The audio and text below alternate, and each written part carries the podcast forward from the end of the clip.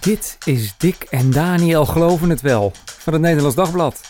Koffiepraat over kerk en christelijk geloven. Met Dick Schinkelshoek en Daniel Gillissen. Van harte welkom. Mijn naam is Dick Schinkelshoek en Daniel, mijn eh, mede-presentator en ik zitten weer klaar voor jouw wekelijkse portie kerk en geloof. Zeker. En deze keer gaan we het hebben over wat heeft de samenleving aan theologen.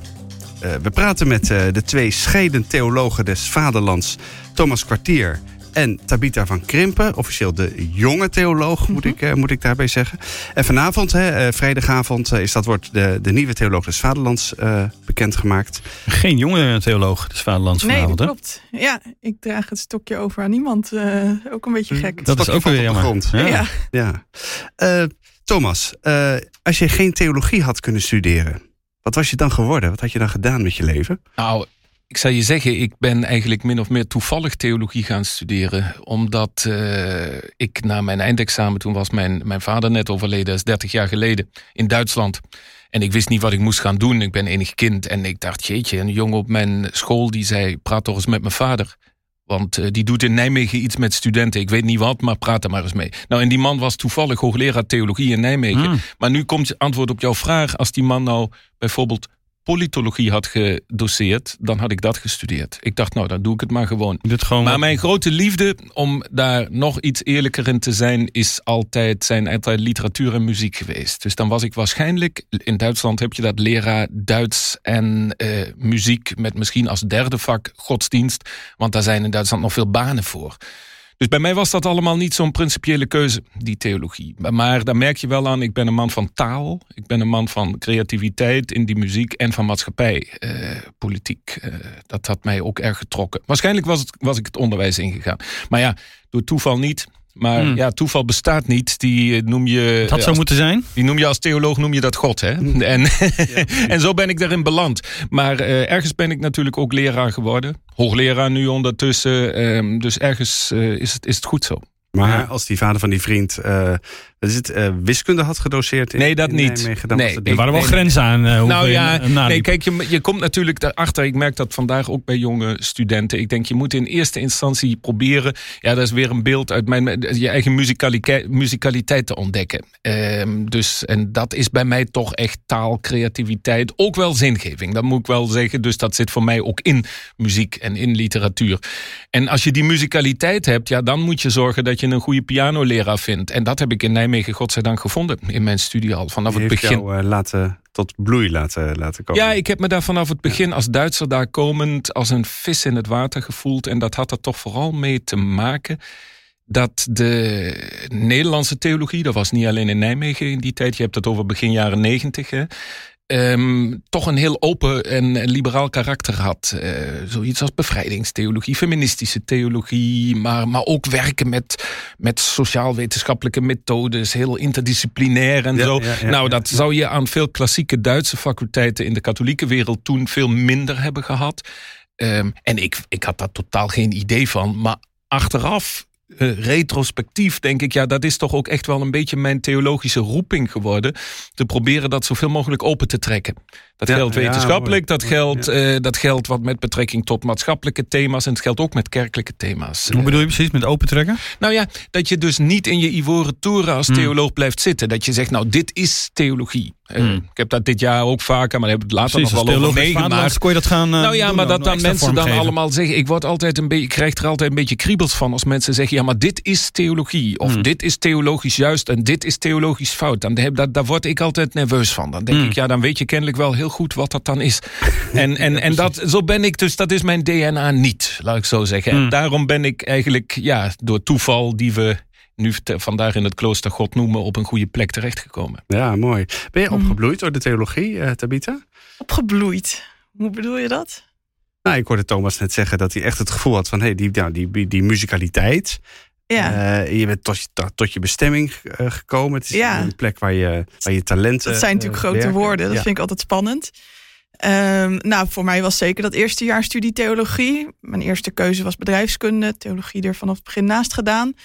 Ja, dat was wel een soort uh, openbaring. En, uh, ja, vanuit het protestantse, uh, mijn protestantse achtergrond in het katholieke Nijmegen gaan studeren. Hm. Thomas ook als docent gehad. Ja, dat was, daar. Dat was heel... Ja, ja, ja, ja, dat was voor mij wel een hele andere wereld. En ook wel een soort vraag van waarom heb ik dit niet eerder gehoord? Of waarom vertellen ze me dit in de kerk niet? Over verschillende gnostische stromingen, over de, de diversiteit wel van het vroege christendom die hele rijkheid, ja, dat was voor mij wel... Openbaring. Uh, ja. ja En waarom als protestant inderdaad aan de katholieke universiteit gaan studeren? Hoe, wat, wat, wat, wat trok je daar? Ja, nou, mijn eerste keuze was dus bedrijfskunde. Ja. En dat was in Nijmegen meer de sociale kant van de bedrijfskunde. Ook psychologie vind ik ook heel interessant. Ja. Um, en toen kwam ik erachter dat je ook theologie daar kon doen. Ik dacht, ja, organisaties, winst maken, is dat nou alles?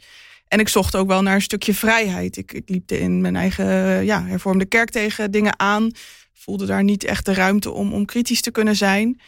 En nou, in Nijmegen heb ik dat wel heel erg gevonden. En op die opleiding was er niemand die zei... oeh, nu kom je aan geloofswaarheden. Nou, dat klopt dan wat Thomas net zegt, ver. inderdaad. Hè. Je moet Kom uit dezelfde stal, hoor. Precies, dat, ja, ja, ja, dat is duidelijk. Ja, ja, het sluit op elkaar aan. Ja, Maar uh, Tabitha, zie jij jezelf binnenkort dominee worden? Ja, dat is altijd de vraag. Ik doe nu wel de predikantsmaster uh, aan de Protestantse Theologische Universiteit in Amsterdam. Ik zie dat niet zo snel gebeuren eigenlijk de laatste tijd merk ik ook dat theologen soms wel beledigd kunnen zijn als ik dat zeg. Van waarom dan niet? Is dat de hoogste roeping? Uh, ja, dan heb je wel uh, naar God geluisterd. En, uh, uh, maar ik denk toch dat ik liever ook die combinatie met bedrijfskunde hou. En beter tot mijn recht kom als ik ergens daarboven blijf cirkelen. Kan als dominee misschien ook, hè? Kijk, dat is nou juist wat ik ja. altijd zo mooi vind, wat jij allemaal vertelt. Dat je denkt, ja, die structuren die lijken dat bijna onmogelijk te maken. Nou, mm. dat is nou precies waar ik dan weer. Ja, ik vind namelijk wat jij doet, die combi juist heel interessant. En hoe jij dat uitdraagt. Ja. Maar ik word altijd een beetje nerveus. In de katholieke wereld heb je dat ook. Als dan gezegd wordt, ja, maar dus dan kan je niet in een ambt stappen of zo. Ik denk, nou nee. ja, jongens, misschien juist daarom juist wel.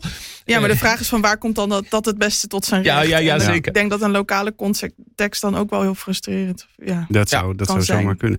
hey Daniel, uh, je zit hier nu met uh, twee theologen aan tafel. En drie eigenlijk, hè, Dick? Ik moet mezelf ook mee. Dat moet niet gekker worden. Nee, precies. Uh, wat, is, wat is nou eigenlijk jouw beeld van wat theologen zijn? Ja, uh, theologie, denk natuurlijk inderdaad. Dominees kwam net al even voorbij. Hè, de, uh, vanuit het protestantse perspectief. Of uh, priesters vanuit katholiek perspectief. Denkers, maar ook een beetje studeerkamergeleerden. Komt dan misschien op. en misschien een beetje op dat op de vierkante millimeter. Maar ik zie net Thomas zei natuurlijk van ja, dat is allemaal niet op die vierkante millimeter. Dus ik zeg helemaal niet zeggen wat theologisch juist of niet juist is. Um, en wat ik interessant vind is natuurlijk dat je, ja, je hebt theologen die televisiepresentator worden. Die provinciaal gedeputeerde worden. Die advocaat worden of nou ja, bedrijfskundige daarmee aan de slag. Of uh, de journalist natuurlijk. Hè, dat, zijn, dat zijn de beste. Absoluut. dus ja, je ziet dat je er ook echt wel alle kanten mee, mee op kunt. En dat alleen in de kerk het zeker niet het enige is waar je als theoloog ja, er zijn terechtkomt. Meer, ja.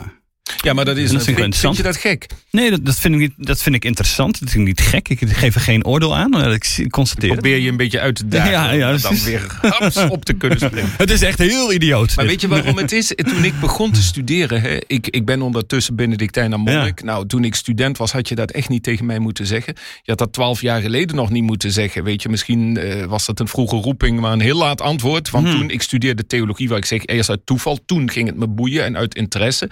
Maar mij zeiden toen dat moest ik aan denken, wat jij net vertelde, mensen. Ja, studeer dat nou maar gewoon. Want dat is een ontzettend brede opleiding. Ja. En daarmee kun je op heel veel terreinen terecht. Soort, uh, je hebt relatief kleine studentenaantallen. Weet je, bij psychologie heb je een enorme aantal. Theologie ja. is, ook al doen onze faculteiten het, het niet slecht, mm. maar toch uh, relatief klein. Ja. En die mensen komen allemaal ergens terecht. Ja. En ik denk dat is ook niet gek. Mensen denken, ja, je studeert alleen maar, alleen maar Bijbel, alleen maar kerkvaders, alleen maar Grieks, Latijn ja. en Hebreeuws, weet je. Maar dat is niet zo. Ik kreeg een inleiding psychologie, ik kreeg sociologie, ik kreeg alle mogelijke filosofievakken. Je krijgt een brede cultuurgeschiedenis. Je krijgt, en, en, en dat beeld hebben mensen er niet bij. En nee. dat is mijn ervaring toch echt wel. Dat je als theoloog misschien bijna wel, ja, nu weer een duur woord, maar op de laatste dag mag dat voor de, bijna een soort universeel geleerd wordt. En dat moet je als theoloog ook. Ja. Want ik, misschien uit die noodzaak... het continu ik, over het hele leven gaat. En, ja, maar, en omdat ik ook geen idee heb wat het anders zou moeten zijn. Ja. Weet je, mij is dat zo geleerd. De theologie die bestaat niet. Theologie bestaat alleen maar bij gratie van dialoog met andere disciplines. En met andere werkvelden en Maar hoe komt dat beeld dan? Dat het inderdaad toch wel, uh, nou ja, inderdaad. Nou ja, wat mij betreft is dat ook wel een verschil tussen bijvoorbeeld studenten in Nijmegen en mijn medestudenten nu in Amsterdam. Oh ja. Dat Oh ja? in Nijmegen ook genoeg medestudenten. Nou, ik hou van geschiedenis, ik hou inderdaad van Hmm. psychologie, talen, teksten. In Amsterdam houden ze alleen van God. Eh, nou, zou je wel kunnen zeggen, wel sneller, een soort, vanuit een soort roepingsbesef. Ja. Of nou, eh 18 jaar en eh naar Ja. middelbare school eh, theologie studeren en Om dominee te worden. die kant Ja. op. Ja, en dat is toch wel een verschil Oh ja? met Nijmegen. Waar, eh, ja. Interessant om te horen, ja. Ja. Kijk, en, en, en eh, ik, eh, ik, ik, ik ben er zelf, als je de- aan mij vraagt van overtuigd, ik merk dat ook als ik studenten tegenkom, als het te snel gaat met een roepings... eh, Mhm. zekerheid, laat ik dat zeggen, zekerheid. Dan Ja, probeer wat- ik dat. even tussendoor, wat, wat bedoel je ermee? Roepings. Ja, dat iemand begint eigenlijk al met het plan van. Nou ja, nee, maar dat wel. Dat wel. Dat is niks mis mee. Met zekerheid bedoel ik dat iemand begint met het idee van. Oké, en ik moet dus zorgen dat ik nu binnen één jaar mijn propedeuse. en dan mijn bachelor en dan mijn master ben. En dan ga ik meteen die opleiding en dan stap ik het Ja. ambt in. Ja, en eigenlijk een de. hindernis dat je nog even. Ja. Je moet, je En het studenten kom ik ook wel tegen Ja. die de studie vooral als obstakel zien naar de, naar de kans van toe. Of in ieder geval de datum bijna al hebben gepland. wanneer ze bevestigd Ja. worden in het ambt. of En dan is de vraag wel, wat heb je dan te brengen ook op zo'n kansel? En wat voor levenservaring breng je mee? Wat voor ja, vragen, en twijfels en, en doorleefdheid heb je zelf eh, En ik zal je ook nog uit mijn. Ik ben natuurlijk. We zitten hier met verschillende generaties, dat is ook leuk. Ja, Ik word dit jaar 50, hè, dan voel je je oud en wijs ineens. maar, maar weet Ja, je. komt ik, dat als je 50 eh, bent? Ja? eh, nou, ik ben het nog niet, dus misschien bijna in december. Nee, maar weet je, ik heb het ook vaak zien misgaan. Dat moet ik je heel eerlijk vertellen. Dat, dat je dan, eh, met name, kijk, katholiek is het natuurlijk nog weer iets anders. Als je daar priester gewijd wordt, nou, dan, dan zit je ook aan het celibaat Mhm. vast. En je hebt een levensvorm die echt alomvattend is.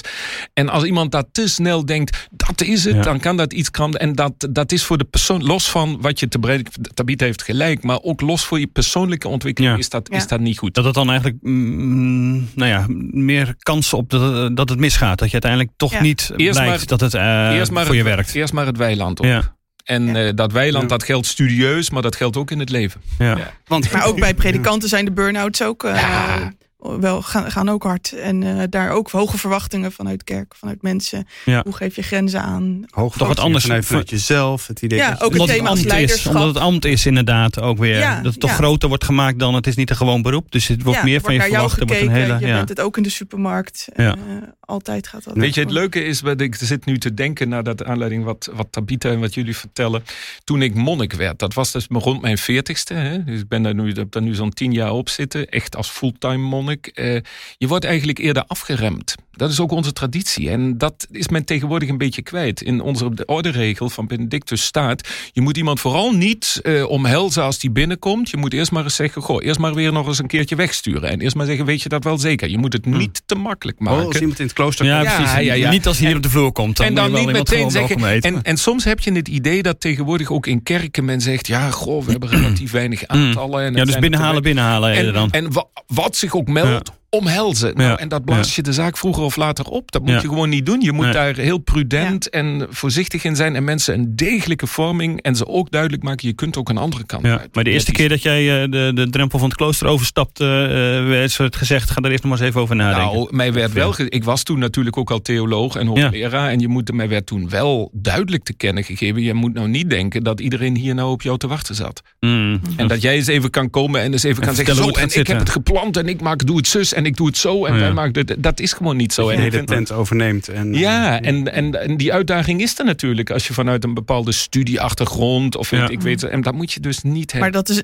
in de protestantse wereld is dat wel een spanning. Want er zijn vaak predikantentekorten. En nou, ook dit jaar kreeg ik best wel veel vragen van... wil je niet bij ons voorgaan? Ja. Nou, zo'n zo'n rol als jonge theoloog gaat de hele week door. En ben ik blij als ik die zondag even leeg kan, kan plannen. Ja. Maar ook studenten gaan eh, ja, vaak al voor in gemeentes. En ook daar zit al wel snel een soort vraag achter van... joh, wil je erbij Ja. betrokken raken? Wil je actief zijn? Ja, je doet die studie dan niet voor niks. Je doet die predikantenmaster en dan willen ze er graag ook eh, in de kerk intrekken echt. Ja, Ja. er is, er is er En ook op zich mooi, hoor. Ja. Ja. Ja. Nou ja, maar het is ook de vraag: wat is dan de kerk? Hè? Weet je, eh, en daar begint het bij mij al. Kijk, eh, ik, ik ga dus eh, zeker dit jaar nooit voor. Dat vind ik mijn rol ook niet. Dat is een andere rol. Ik zeg niet dat ik nooit voor ga, Mhm. maar niet in mijn rol als theoloog des vaderlands. Maar ergens natuurlijk ook wel. Stel nou, ik ga naar een popfestival, wat ik dit jaar gedaan heb. Nou, dat is een experiment, weet je wel. En mensen zeggen dan soms wel eens, ah ja, nou ja, doet hij eens een keer gek en het is een keer wat anders en weet ik. Maar ja, dan ben je dus geen theoloog en zeker geen monnik. En voor mij voelt dat dus niet zo. Dus voor mij is kerk altijd een heel, een heel ruim begrip. Eh, dat is ook het letterlijke van katholiek. Dus niet Mhm. rooms-katholiek, maar katholiek alomvattend. Dus ik vind mij niet minder kerkelijk. En jou trouwens ook bij die dingen die jij allemaal doet. Ja, echt heb niet andere plekken ben bui- buiten Ja. de kerk. Nee, Dat- dat is ook dat kerk. is, dat is ook kerk. Ja. En, da- en daar kun je je deskundigheid misschien soms wel op een veel verrassendere manier Hm. kwijt. Dan je dat nou in een klassieke kerkviering kunt. Jij buiten de kerk natuurlijk wel een voordeel. Arbeid aan. Dat is wel een van de Je wordt voordelen. wel er herkend van, hey, jij, jij, Ook wel een van de nadelen, want je wordt natuurlijk meteen eh, ook eh, in een bepaalde rol gezien. Kijk, Ja. ik hou er dan van die rol ook meteen altijd weer iets te deconstrueren. Want mensen zien je bijna als een soort, ja, als een soort archetype van, ja. van rust en regelmaat. Nou, dat ben ik, dat merk je ook wel, ben ik van nature niet. Eh, ik ben eerder een impulsief type, dat beeld Maar af hoe te doe je breken. dat? Je moet even laten zien dat je geen, dat je geen saaie heilige Nou, bent. en dat dat ook helemaal het ideaal niet is. Maar Hmm. dat het ideaal is datgene van de, van de, van de- persoon die zijn, zijn of haar leven in, in die theologische zoektocht heeft gesteld. Eh, dat vind ik veel belangrijker. En niet dat je nou moet denken, ja kijk, ja, fijn voor hem, want daar kan het en dit is duidelijk of zo. Nee, het, het, gaat, het gaat om de spanning waar je in gaat staan. En die En jij is bent net zo goed op zoek. misschien wel meer. Misschien wel meer. En, Want dat habijt, dat, dat noopt je iedere dag om naar je rol te zoeken. ja. Ja. Maar le- leidt dat soms tot verrassende eh, ontmoetingen? Ik moet je zeggen, vragen, Monnik doet het over het algemeen. Dat heb ik ook aan de media-hype, wat bij jullie in de krant stond. Dat dat een hype om mij heen, dat heb ik daaraan wel gemerkt. Een monnik doet het goed. Eh, een monnik eh, wekt in ieder geval weinig vooroordelen, laat ik dat zo Doet een zeggen. Ik denk als, beter dan een priester? als ik met een priesterboord binnenkwam, zou dat een vastgepindere rol zijn. Hmm. Dat denk ik wel, ja. Daar zou men meteen het dogmatische invullen, terwijl Ja. zo'n monnik iets archetypisch heeft. Mhm. Zie jij jezelf in zo'n habit lopen?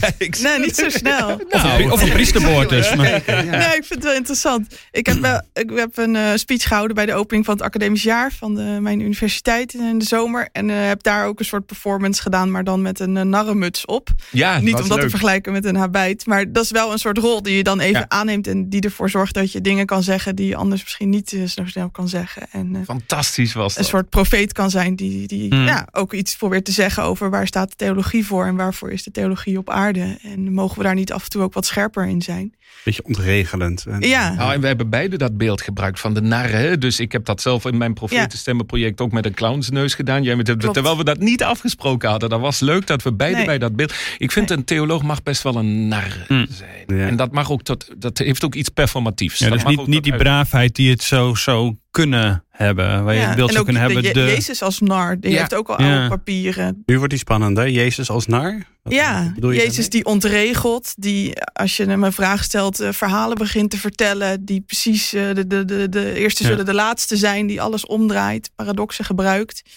Dat, dat vreemde verhaal waar je eigenlijk nooit je vinger op krijgt, maar waarvan we toch nog steeds 2000 jaar later geloven dat daar iets gebeurt, wat nog steeds belangrijk is en wat levens op zijn kop kan zetten. Is ook nu belangrijk om als theoloog daar die, dat verrassende Ja, zijn. ja. Een andere stem te laten Dus klinken. ook wel als mijn kritiek op traditionele kerk waar de, waar de gezapigheid eh intreden kan doen. En we het vooral met elkaar heel erg gezellig hebben en koffie Tijd drinken. voor de clownsneus en, op de eh, kansel.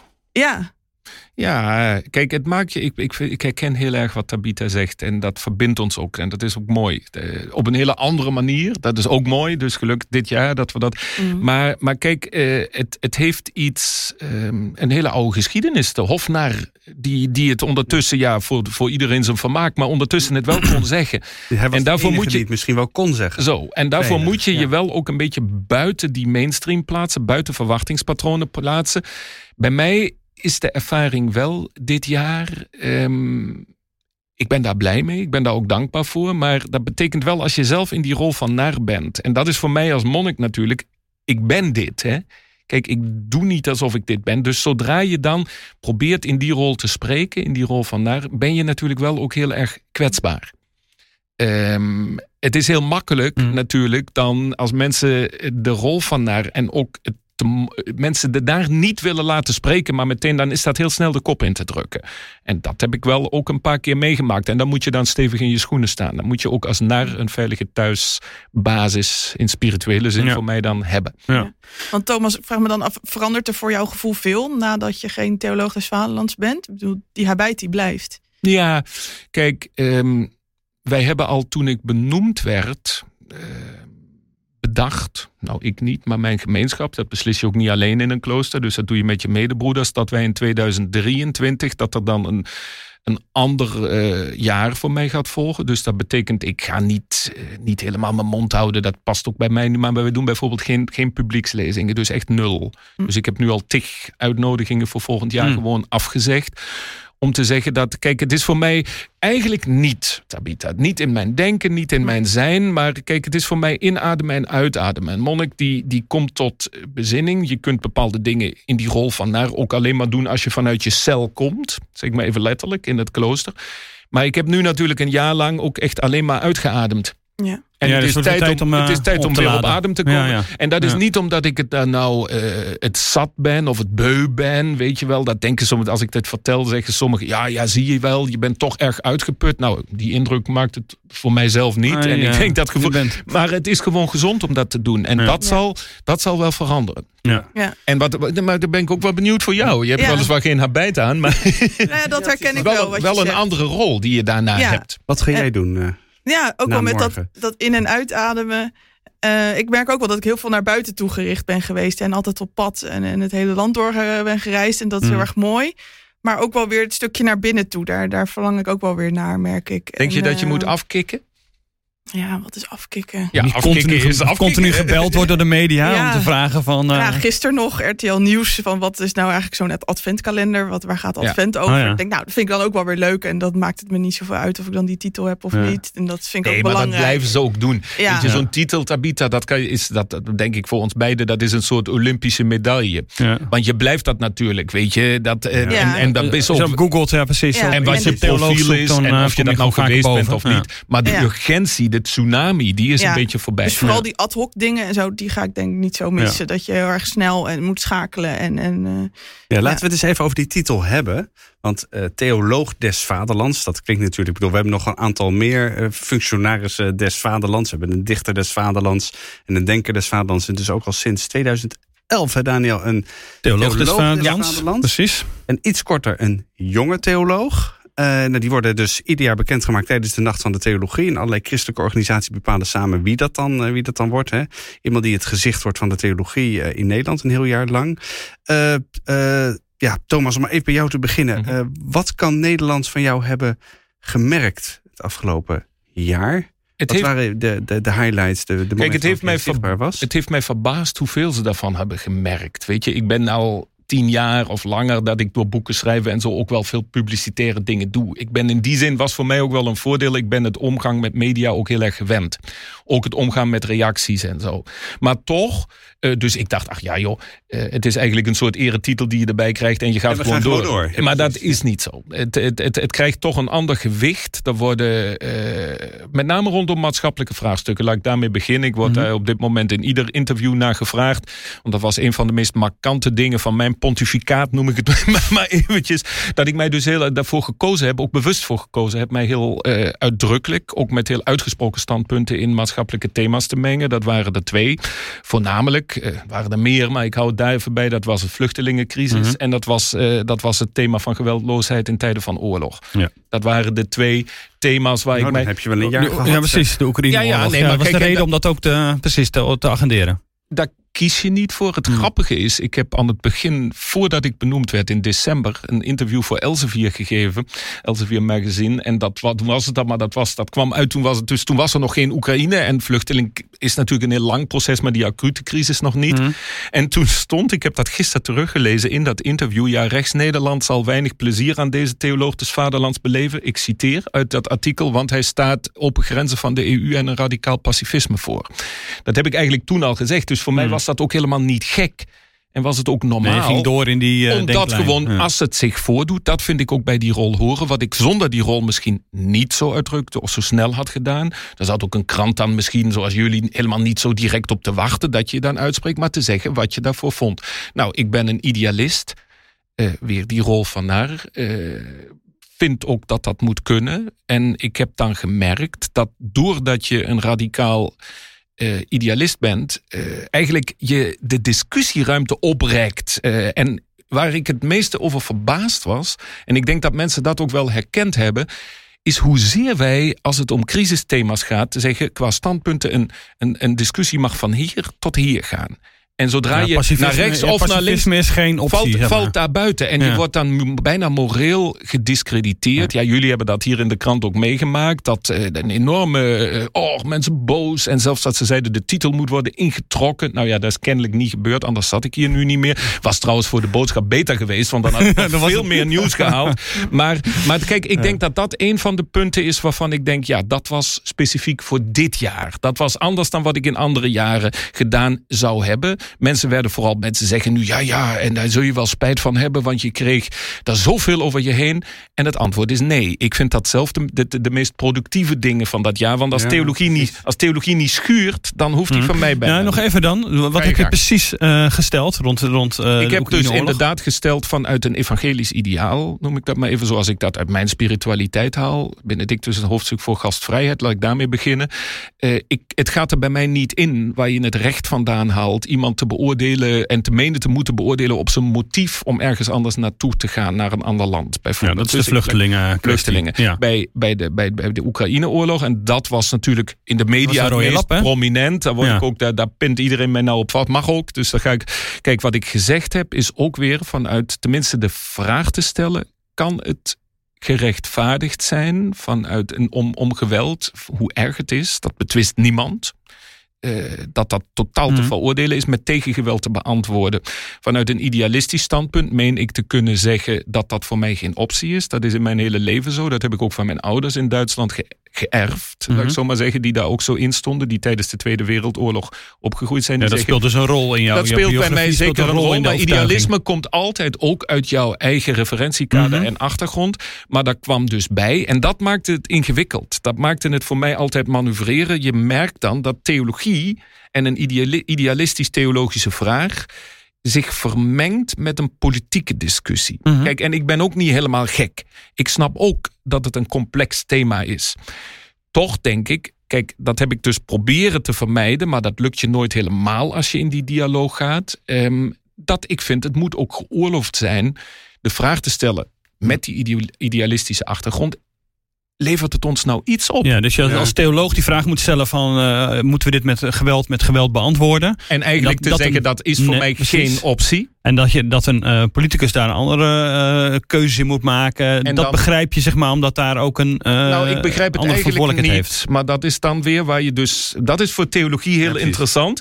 Dan moet je als theoloog eigenlijk in het theologisch jargon blijven. Maar je zult je toch voor een deel ook in die politieke arena moeten, Ja, moeten omdat dat begeven. de taal van de, de, de tijd is. Ja, maar nee, nee, maar ook omdat dat natuurlijk dan ook van je gevraagd wordt. Want anders heeft het naar geen enkele impact. En Mhm. dat durf ik dan tenminste vragend. Ik vind dus, dat is voor mij heel belangrijk. Ik heb ook dat nieuwe boek Monniksvragen, wordt vanavond geproduce- eh, gepre- gepresenteerd, Mhm. gemaakt. Vragen te stellen, maar tenminste dan ook aan een politicus de vraag te stellen. Leg mij nou uit, als je wel voor geweld dan als het kleinere kwaad kiest en zo. Ja, leg mij dan uit wat daadwerkelijk het nut daarvan is. En dan kom ik bij mijn. beter is of het mindere kwaad. Nou, en dan kom ik bij mijn persoonlijk standpunt dat ik daar tenminste serieuze vragen bij heb. En die heb ik proberen te uiten. Ja, en dan toch nog even, want, eh, voordat we eh, doorgaan hierover. Maar het, ehm, de oorlog van Poetin, zal ik maar even zeggen. Ehm, zonder dat je daar hem een halt toe roept. Ook helaas dan met geweld. Je zou denken, ja, dat is toch onnozel om te zeggen inderdaad. eh, hier moeten we op een pacifistische manier op antwoorden. Ja, maar daar weet ik dus niet. Ja. Kijk, de vraag is of het dus inderdaad tot nog toe gelukt is om het een halt toe te roepen. Of niet uiteindelijk in de long run daardoor tegenstellingen en consequenties die daaruit voortkomen. Eigenlijk misschien, ja, niemand kan je voorspellen of het daardoor nou echt in reëel politiek Nee, maar als, er- als, er- als er niks was gebeurd. Maar niks, dat zegt ook niemand. Nee, Kijk, nee, nee, maar goed, dat is, de, dat is natuurlijk de, de kwestie in deze dan, zeg maar. Ja, ja, dus kwestie. inderdaad eh, op je rug gaan liggen en zeggen, oké, nou ja, eh, doe Nou, maar. maar kijk, de paus, hè, bijvoorbeeld. De paus, eh, dus in die zin vond ik het ook helemaal zo gek nog niet wat, wat, wat ik daarin. Of niet nee, dat zo kan me voorstellen, omdat je Nee, nee, maar ik bedoel niet zo gek, niet zo ver gezocht. Want kijk, de paus zegt eigenlijk bijna hetzelfde. Je moet dan, hij zegt, kijk, wat naar mijn gevoel te weinig gebeurt. En Mhm. daar heb ik ook een proberen een hartstochtelijk pleidooi voor te houden. Is die optie van geweld niet als een vanzelfsprekendheid aan te Mhm. nemen. Dat werd het ineens in die discussie waar ik mij toen in gemengd heb. Het werd evident dat je voor wapenleveringen moest zijn. Mhm. Nou, ik ben dat niet, nog steeds niet. Daar kan ik ook niks aan doen. Dat is gewoon mijn moreel aanvoelen. Maar kijk, wat de paus daaraan toevoegde, ik heb dat in een opiniestuk in het Katholiek Nieuwsblad ook eh, proberen uit te leggen, is dat hij zei: Ik ben niet overtuigd dat de middelen van de diplomatie, zelfs met wanneer dat schijnbaar onmogelijk lijkt, dat nou werkelijk alles uit de kast gehaald is om dat te proberen. Maar goed, kijk, daar zouden we natuurlijk nu nog Mhm. Maar ik uren over mooi- kunnen. De nuance is mooi, zeg maar. Hè? Dus zorgen dat je ook inderdaad ook al de vraag stelt die anders niet eh, gesteld gaat worden. Ja. Dus van hebben we dat voldoende gedaan? Is het slim dat die, die wapenleverantie zit iedereen achter elkaar rent om dat te doen?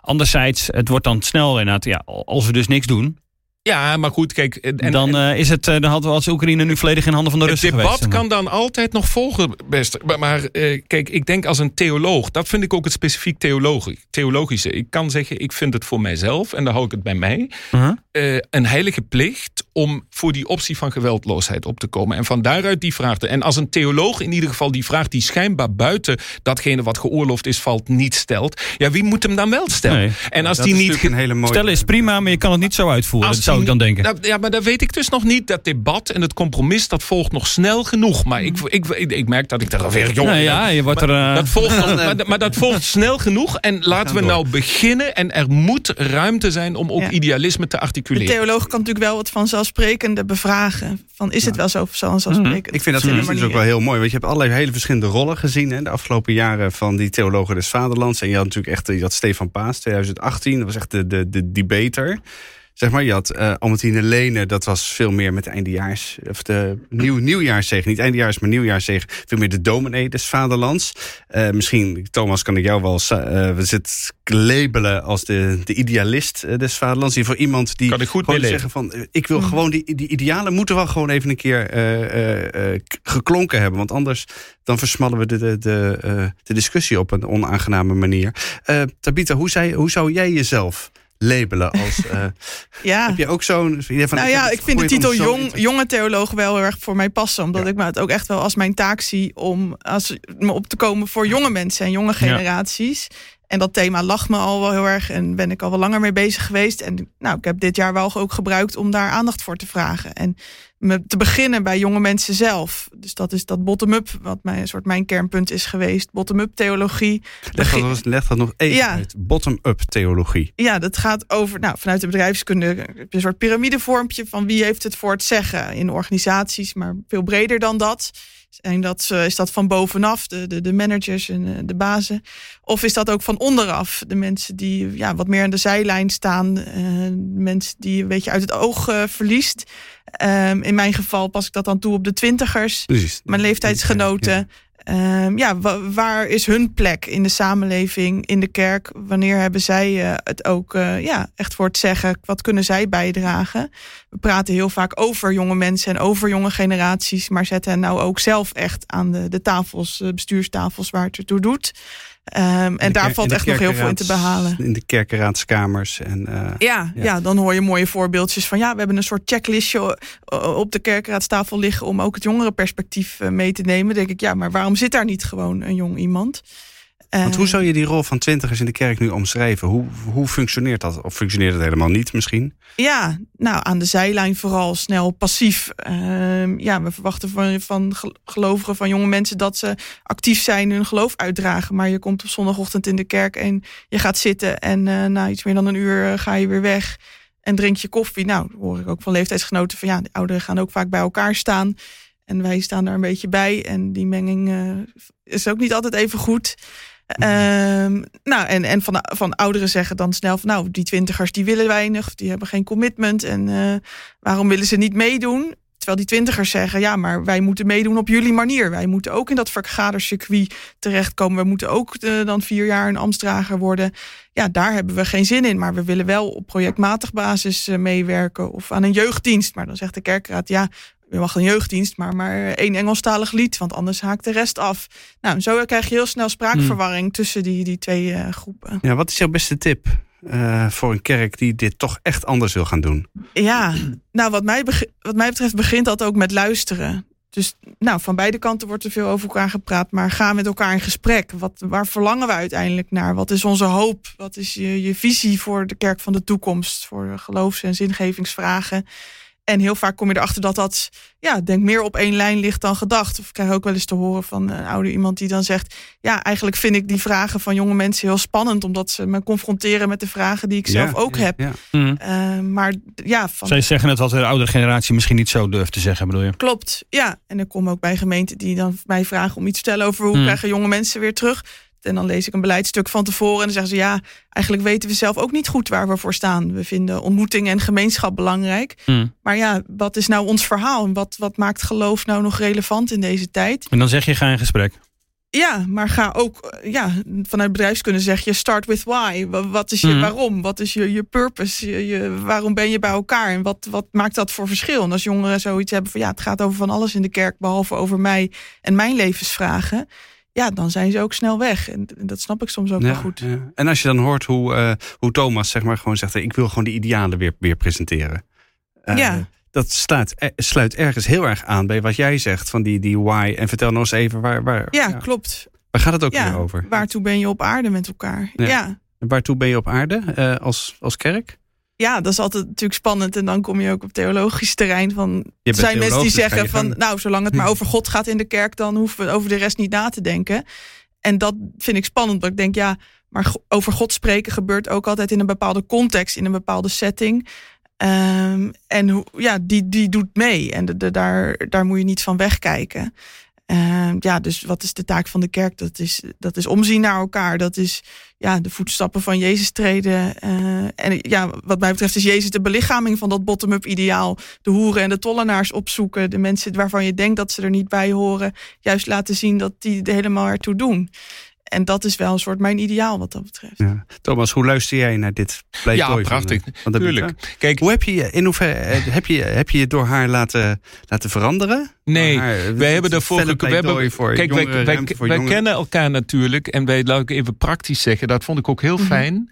Uh, ik was heel blij dat wij echt verschillende kanten uitgingen, maar wel vanuit een gedeelde inspiratie of zo. Dat was mijn gevoel.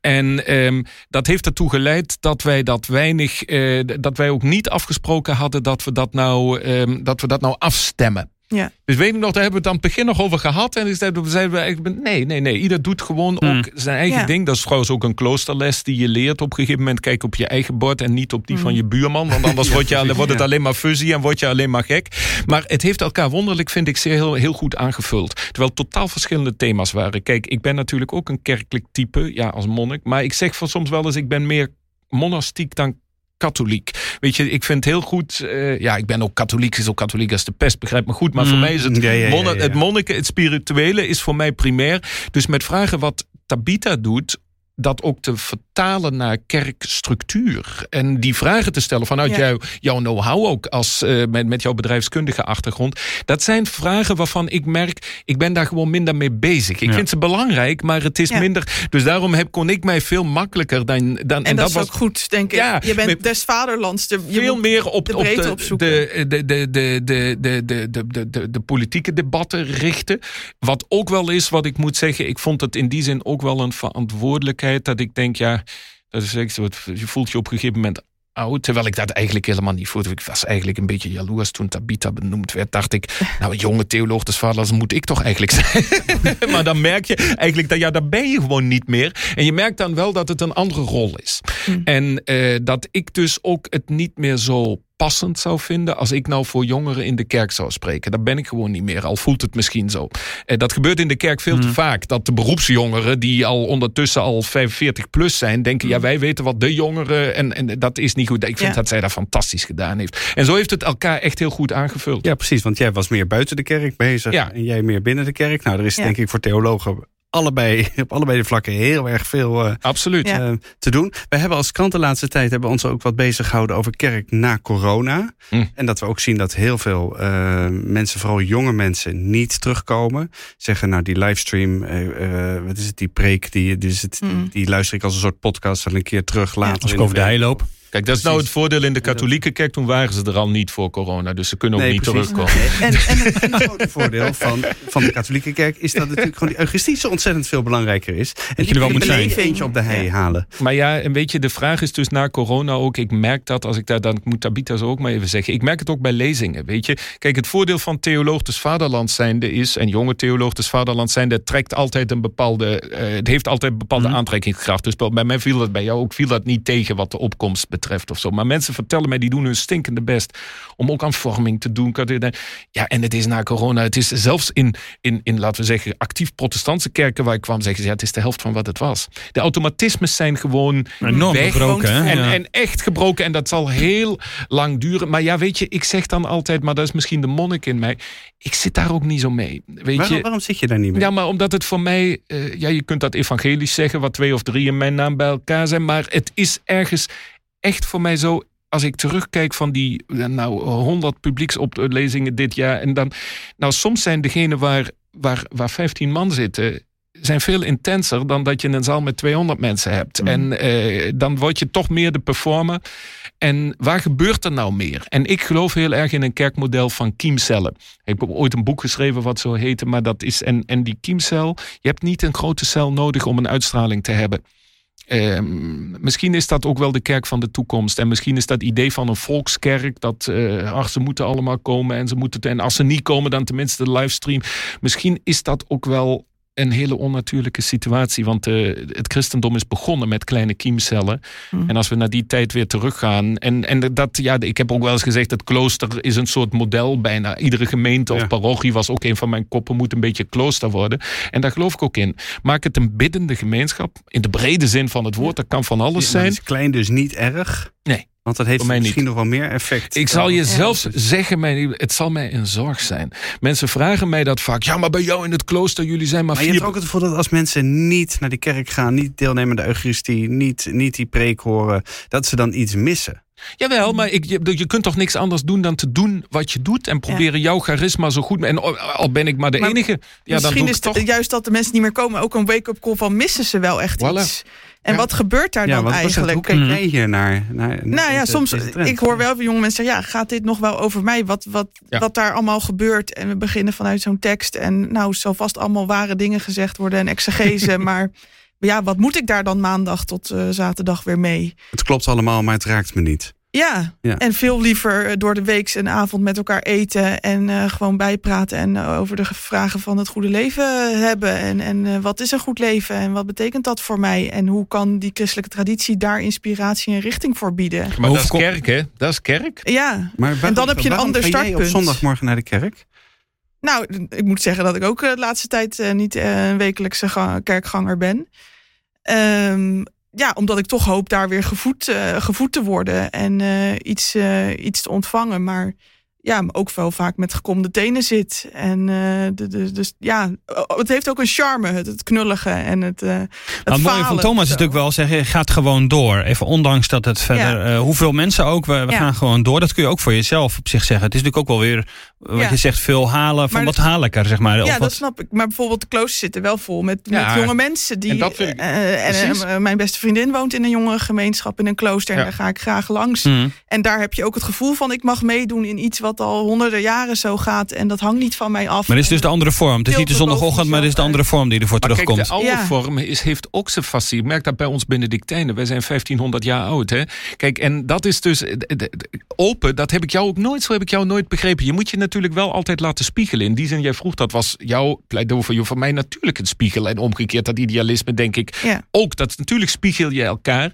Maar het betekent wel je roeping blijven volgen. Dat heb ik in de DS-reden van onze universiteit centraal. Je roeping blijven, blijven betekent niet per se fancy te zijn. En bij de tijd te zijn kan ook juist betekenen, dat is bij de, die kloosters, dat, dat de waarde van het, het, het eeuwenoude ritueel, dat je dat probeert te belichamen. Mhm. En daar mogen mensen bij komen. Zo sta ik erin. Ik ben blij als ons gastenhuis vol zit. Maar als niet is het ook goed. Je hebt een kleine kiemcel. En ik denk dat dat in de long run, dat is mijn Maar hoe hou je die, die, die kleine kiemcel dan eh Dat is godvertrouwen. Hmm. Ja, dat, jij bent geen theoloog. Je hebt dat Dan niet krijg je meer dat, hebben. hè? maar, maar, nee, maar het klinkt heel onnodig. En ik ben helemaal geen... Nee, dat, is- dat mooi, een maar uiteindelijk moet je... er- eh, ja, is- Ik ben ervan dat? overtuigd dat die mensen er altijd zullen Ja, ja. zijn. Veel en veel minder, katholiek gesproken, het rijke Roomse leven met honderdtallen en duizenden roepingen. Dat vond ik eigenlijk een hele onnatuurlijke staat. Mhm. Die zullen er altijd zijn. Tabita's en Thomassen en hoe ze allemaal heten, zullen er Ja. altijd Ja. zijn. Denk je dat ook, Tabita? Nou ja, ik zie wel bij jonge mensen die vanzelfsprekendheid is weg. Ja. Dus als je nu naar een kerk gaat, dan is dat ook echt een bewuste keuze. En dan wil je daar ook voor gaan. En dan wil je dat dat ook echt een verschil maakt in je leven. Dus degenen die daar zijn, die willen, dat, ja, Hmm. die willen ook echt. En die gaan Zo daar ook het. echt voor. Precies. En wees daar ook een beetje zuinig op. En eh, Ja, ja, geef ze ruimte. ja zeker. Ja. Nou, ik wil jullie, jullie beiden ontzettend hartelijk bedanken voor, eh, voor deze we, we beginnen toch net? We beginnen nog maar net, ja precies. Nee. We gaan, eh, we Tjoh. gaan na, nadat we de, de opname hebben, hebben afgesloten, gaan we praten we door. Dat meen je nou niet. We afsluiten. Precies, nee, zonder meer. Moet ik weer de We moeten er een stilte serie, we moeten er een serie van maken, Thomas. Ja, ja, dat is het. Thomas en Tabitha Thomas en eh. Tabitha. Dan hoeven jullie niet te komen. Wij komen er wel uit. Dick en Daniel worden Thomas en Tabita. Ja. ja, ja. Dus ook TNT. Ja, TNT heel mooi. vind Maar ik laat ons niet wegjagen, Dick. dat- afronden dit volgens mij. Dat bekt, Ah, ja. eh, dat bekt wel ontzettend lekker. Nee, ik snap eh, onder meer heel erg, Thomas, dat je eh, straks met pijn en moeite eh, vanavond afscheid neemt van je rol als eh, Weer de theoloog des stilte in moet. Maar Stilte zal ik, in ik moet. verlang daarna. Ik vind dat Tegelijk, eh, ga je ook de stilte in eh Tabita naar vanavond? Nou, vanavond nog even weer Feesten, hè? feesten en een speechje. Maar, eh, Vanavond, vrijdagavond. ja. Ja. mooi is dat. bijkomen. Dankjewel voor het luisteren. Het is eh, op het moment dat we deze podcast opnemen nog even afwachten wie de nieuwe theoloog des vaderlands gaat, eh, gaat worden. Dat is dus vanavond, vrijdagavond, tijdens de Nacht van de Theologie. Volgende week kun je luisteren naar een eh, gesprek dat we dan hebben over het WK voetbal. En ook dat heeft weer alles met geloof te maken, zullen we je uitleggen. Kun je wel met een goed fatsoen naar Oranje kijken als je bedenkt hoeveel mensen voor die stadions en die hele infrastructuur in Qatar geleden hebben en gestorven zijn. We gaan dan praten met voetbalfans en ook weer theologen. Sorry Daniel. Ja hoor. Eh, Harmen Niemeyer en David Heek. Ik bedank verder, maar ook eens een keertje Annemijn Walraven en eh, Marien Korterink voor de techniek en het mede vormgeven van deze podcast. Vind je deze serie leuk? Like hem dan in je podcast-app. En als je ons wilt steunen, overweeg dan een abonnement op het Nederlands Dagblad. Dan kun je alles lezen en beluisteren wat we doen. Dat kan voor een digitaal abonnement al vanaf 1,75 euro per week. Ook gewoon teruglezen wat Tabita en Thomas het afgelopen eh, jaar allemaal in het Nederlands Dagblad hebben geschreven. Tegenwoordig. eh, Kijk, ja, we hebben ook, ook allerlei eh, speciale Ja. arrangementen. Ga daarvoor naar nd.nl slash abonnement. Dag.